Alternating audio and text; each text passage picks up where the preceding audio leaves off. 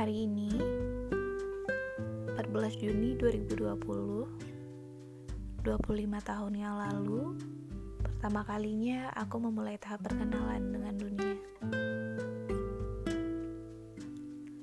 Podcast kali ini aku buat sebagai hadiah ulang tahun untuk diri sendiri Untuk mengingat lagi beberapa perjalanan selama 25 tahun. 25 terasa spesial karena menjadi angka yang dinanti sejak dulu.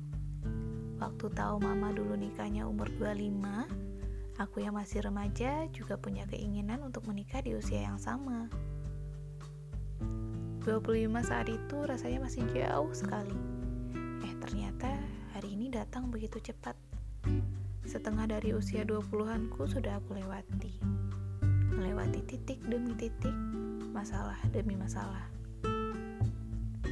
Kalau diingat lagi, tidak banyak yang bisa kubanggakan tidak banyak prestasi, tidak banyak pencapaian.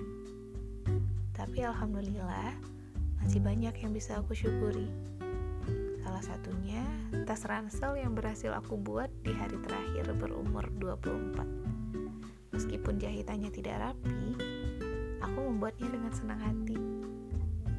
Aku pikir aku akan menjadi sosok yang hebat di umur 25 tapi ternyata banyak sekali target-target yang mundur akibat kemalasan. Hari ini sudah aku nanti-nanti sejak dulu, tapi rasanya biasa saja.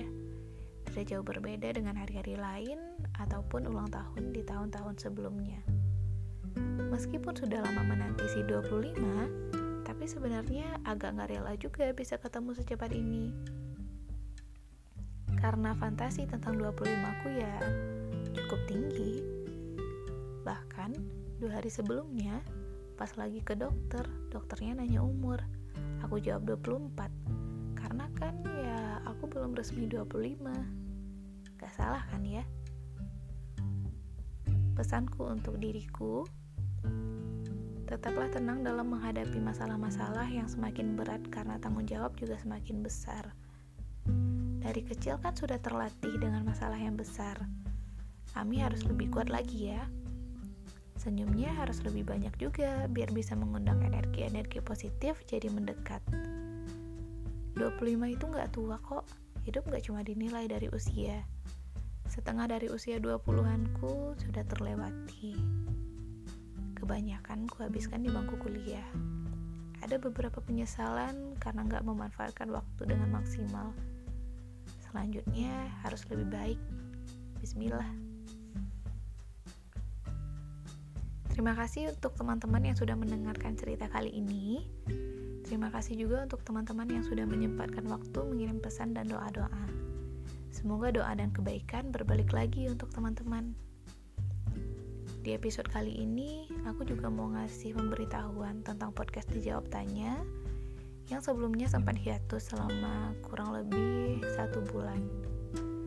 Podcast ini awalnya aku buat dengan excitement yang tinggi dan meluap-luap setelah menjalani beberapa cerita, aku sadar kalau semakin lama excitementnya mulai kurang.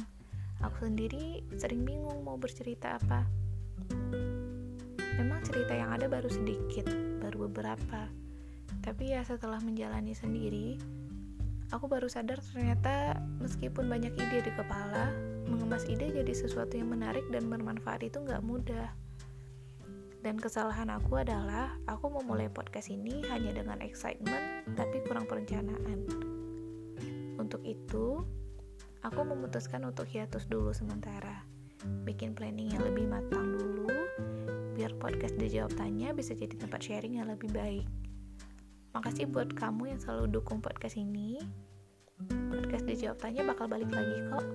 Jadi tungguin ya. Sekian dulu cerita hari ini. Sampai ketemu lagi di cerita selanjutnya.